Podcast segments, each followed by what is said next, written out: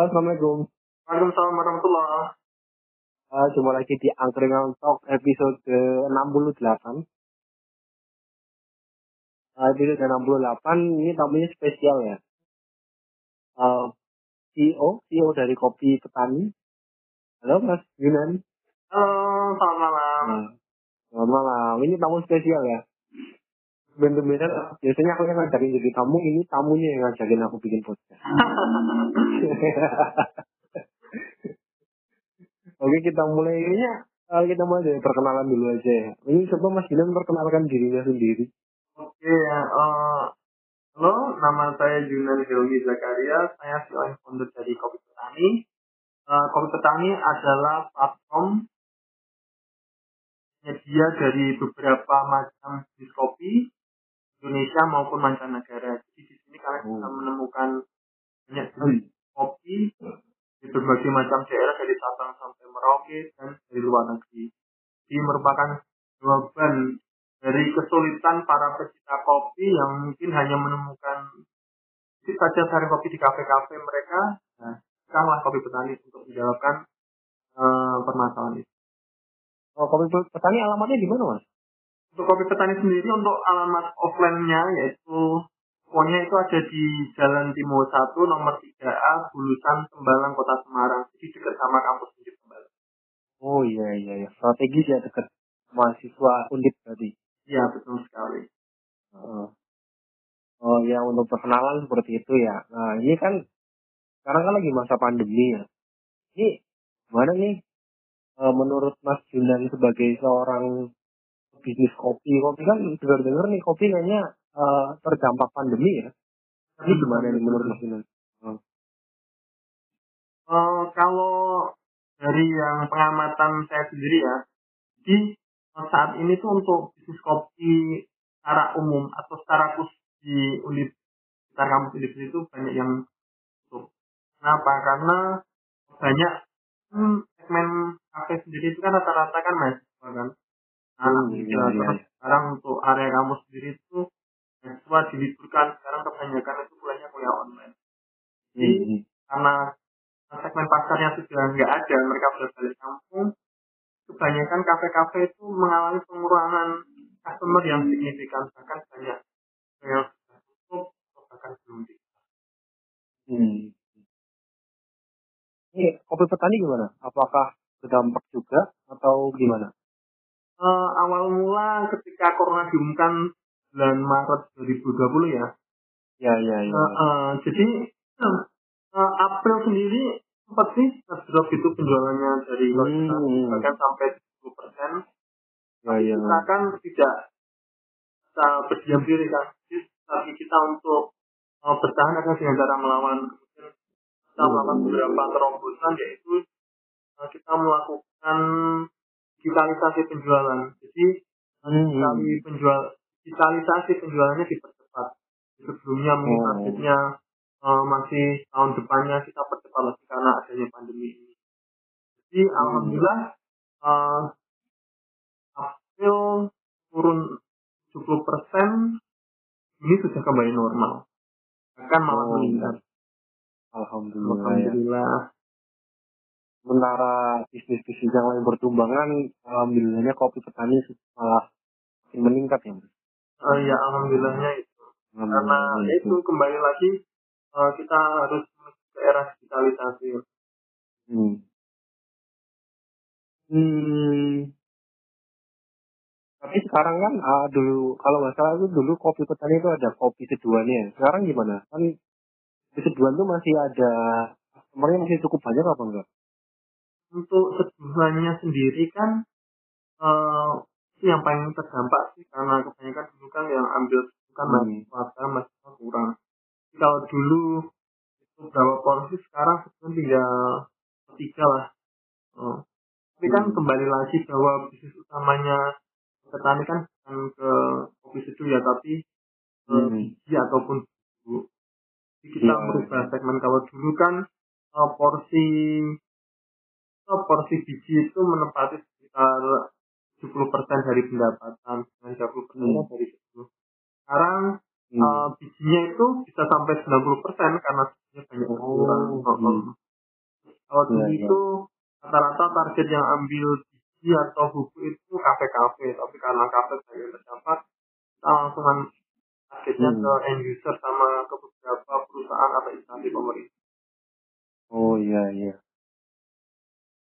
Eh terus menurut Mas Julian nih, ini kan pandemi itu kita masih belum tahu nih sampai kapan. Ini malah ini kan udah ada serangan gelombang baru sekarang dari India ya. oh benar dari India gelombang keberapa itu eh, setelah kemarin dari Wuhan sekarang muncul lagi Wah. corona versi India kan Ini bisa aja tiba-tiba kayak waktu Maret tahun 2020 bisa kejadian lagi apa enggak ya? Tiba-tiba semuanya tutup lagi ini kan udah mulai kita udah mulai berdamai. Oh, bisa aja sih karena apa Hmm. ya? Eh, yang dari Cina udah selesai. Kemudian timbul Hmm. antivirus itu kan vaksin. Dan Oh, kan iya. yang mutasi terus yang baru kan itu dari dia. Nah, kan Iya. belum buat juga vaksin yang versi itu India. Heeh. India. Oh, oh. Heeh, benar. Jadi ini makin parah. Apalagi kan eh, menurut keyakinan saya kan ketika 2020 ada corona. Mungkin waktu itu kan masih banyak Hmm. kan masyarakat yang masih punya tabungan. Iya. Di tabungan itu kan mereka masih bisa hidup lah. Mereka berharap Hmm. 2021 ini corona selesai. Eh ternyata corona belum selesai. Sekarang itu bisa aja Hmm. tabungan mereka sudah habis. Oh, Mungkin dampak terhadap ekonomi lebih dalam sih. Nah dibuktikan Iya. apa? List terbaru dari BPS itu uh, pertumbuhan Hmm. ekonomi kita itu uh, masih minus ya. Dibandingkan Iya, iya. kuartal 4 2020 itu kita masih minus 0,9 sekitar 0,9 dibandingkan Hmm. uh, kuartal sebelumnya. Jadi sekarang uh, lebih buruk ya dibandingkan akhir Hmm. tahun 2020. Oh, Nah, kalau menurut ini Mas Dinan apa? Ini peluang bisnis kopi di masa depan gimana nih? Ini kan udah banyak yang bertumbangan. Dulu kan iya kopi itu rame pas masih ada kopi kekinian, kopi gula aren dan semacamnya tuh. Setelah kena hantaman pandemi yang keras nih, kira-kira nanti ke depannya itu bisnis kopi itu masih menjanjikan apa enggak? Eh, kalau menurut saya sih kopi itu merupakan kebutuhan ya bukan tren ya jadi kalau itu satu Hmm. kebutuhan ya menurut saya tetap akan jalan sih jalan ini masih kalau sekarang kan masih memang eh, momennya emang semua lagi turun ya. Tinggal kita nunggu momen nanti ini corona bisa tertangani kemudian semuanya recovery selesai wabah insya Allah akan muncullah adanya kemakmuran. Apalagi eh, kopi itu sudah dikenal masyarakat sejak zaman dulu kala kan? Zaman era penjajahan atau mungkin sebelumnya Ya. kita sudah mengenal kopi kan itu sudah minuman yang umum buat masyarakat Indonesia. Jadi menurut saya Hmm. masih menjadi Masih ya, kemungkinan masih jadi bisa jadi peluang ya. ya eh, masih besar lah peluangnya tinggal kita eh, hitung aja kira-kira kapan kita harus eh, melakukan ekspansi bisnis kopi ini kapan Hmm. soalnya kita untuk menunggu harus tahu momentum Nah, yang paling mahal itu kan kita ngambil keputusan di saat momentum yang tepat. Oh. Eh, bicara momentum nih, ini kan ini bicara eh, ditarik ke belakang dulu nih. 2016 tuh saat Mas Dinan mulai berbisnis kopi ini, lihat momentum apa tuh? Kok bisa langsung memutuskan untuk bisnis kopi? Eh, hmm, awalnya sih gini kan kebetulan waktu itu saya ketemu salah satu temen kan di Jakarta yaitu sudah keluarganya itu sudah turun temurun bisnis kopi udah tiga generasi terus saya berpikir jualan kopi aja bisa sampai tiga generasi Dan mereka Hmm.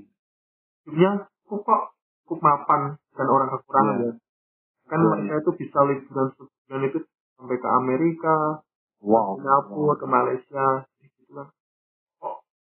ngapain saya nggak mengambil momen itu loh Hmm. kalau mungkin mereka eh, pasarnya Jakarta saya kan bisa target pasar yang lainnya kan Ya, ya. Eh, eh, jadi saya melihatnya itu terus dari obrolan-obrolan itu mereka sudah masih semangat untuk aja eh kok jualan kopi gitu sama seduh mereka sampai ngitung-ngitungin gitu oh Hmm. kamu ambil kopi satu kilo sekian kalau kamu jual seduh bisa jadi berapa cup terus kamu jual Oh, iya, iya. sekian kamu bisa dapat untung sekian itu mulai ada ketertarikan Ah, ah. itu kan Mas Dilan masih kerja ya? Masih kerja di sebuah kerja di Jakarta. perusahaan. Kerja. Perusahaan Badan Nasional Jakarta. Oke. Heeh. dan, dan akhirnya memutuskan untuk resign dan jadi pengusaha. Iya. Apakah ini hal menurut Mas Dilan apakah perlu, perlu mengajak teman-teman yang sekarang jadi karyawan untuk resign dan menjadi pengusaha seperti Mas Dilan oh tentunya tidak saya nggak berani orang karena dunia usaha itu dunia yang penuh dengan ketidakpastian ya Jadi kalau orang masuk ke dunia bisnis tingkat resikonya bisa 90%. Kenapa? Sama dari kurangnya pengalaman. Karena pengalaman dalam dunia kerja pengalaman dalam dunia bisnis itu lain. Kemudian terkait dengan modalan. Cara sah Ya. bisnis awal mereka dihadapkan pada keterbatasan modal. Yang saya bilang tingkat kegagalan itu 90%. Harus disiapkan dari segi mental, dari pengetahuan, dan dari finansial. Ah, Heeh. Kalau itu nggak disiapkan, khawatirnya eh, pertama udah ngeluarin uang banyak, boro-boro uang kali, malah bisa muncul hutang. Orang itu bisa kena gangguan psikisnya juga bisa ada kan? gangguan jiwa gangguan Oh, oh, kesehatan benar, oh, bisa. karena sama ini kita tahunya kan bisnis itu enaknya aja, padahal di iya belakang layar tuh bisnis itu nggak seenak itu. Oh, biasanya kita Heeh. kerja di perusahaan 8 jam, lebih dari kita Hmm. minta lembur. Kalau bisnis nggak bisa hitung hitungan jam. Kita Hmm. dipaksa berpikir lebih keras, berpikir harus seperti apa lagi ini penjualan naik apa turun, naik kenapa, turun Ya, apa, harus melakukan inovasi apa. Hmm. Dipaksa bekerja terus otak ini. Gitu. Hmm. Jadi buat teman-teman yang masih di kelompok karyawan kelompok karyawan harus berpikir matang, dipersiapkan secara baik-baik dengan mudah terpengaruh bahwa bisnis itu enak, untung aja, tapi kalian harus siap untuk rugi. Ya ya. Kan banyak tuh teman-temanku teman-temannya Mas Dilan juga kayaknya banyak tuh. Iya, banyak juga. Mas Dilan kan lihat Mas Dilan wah enak nih jadi pengusaha bisa fleksibel nggak main ke mana-mana. Ini aku pengen aja jadi kayak Dilan kan banyak tuh kayak gitu sekarang. Mereka belum tahu aja, mereka. Padahal di belakang layar berpikir, aku ini gimana, ini turun gimana, ini naik, Eh. kenapa? Kan. Analisa tiap hari, tiap waktu. hmm. Kan analisanya nggak cuma sebulan sekali. Sebulan bisa mencapai sekian itu kan dibentuk dari beberapa minggu. Minggu bisa terbentuk Iya. dari beberapa hari. Hari terbentuk dari beberapa jam operasional kan semuanya dianalisis. hmm. Jam kerjanya bukan 8 jam ya kalau misalnya jadi pengusaha jam kerjanya itu 24 jam Nah, 24 jam, kadang tidur aja sampai uh, bangun kita- mimpi itu. Bener deh. Podcast ini meluruskan ya melurus teman-teman yang pengen tahu jadi pengusaha udah resign aja Nggak Iya, itu uh. teman-teman nggak segampang itu Uh, harus persiapkan sih. Jadi, Heeh. uh, selain belajar uh, ilmu perdagangan yang gak kalah penting harus belajar ilmu cash flow arus kas. Nah arus kas itu Hmm. seperti sistem peredaran darah dalam tubuh. Kalau kita nggak pandai mengolah itu saja sistem peredaran darah dalam tubuh itu terganggu nanti bisa menyebabkan penyakit. Kalau bisa sih ketika kita memulai bisnis jangan pakai hutang sih. Kalau kita Ya. sudah pakai hutang itu seperti kita memulai kita itu dari minus ya ya banget.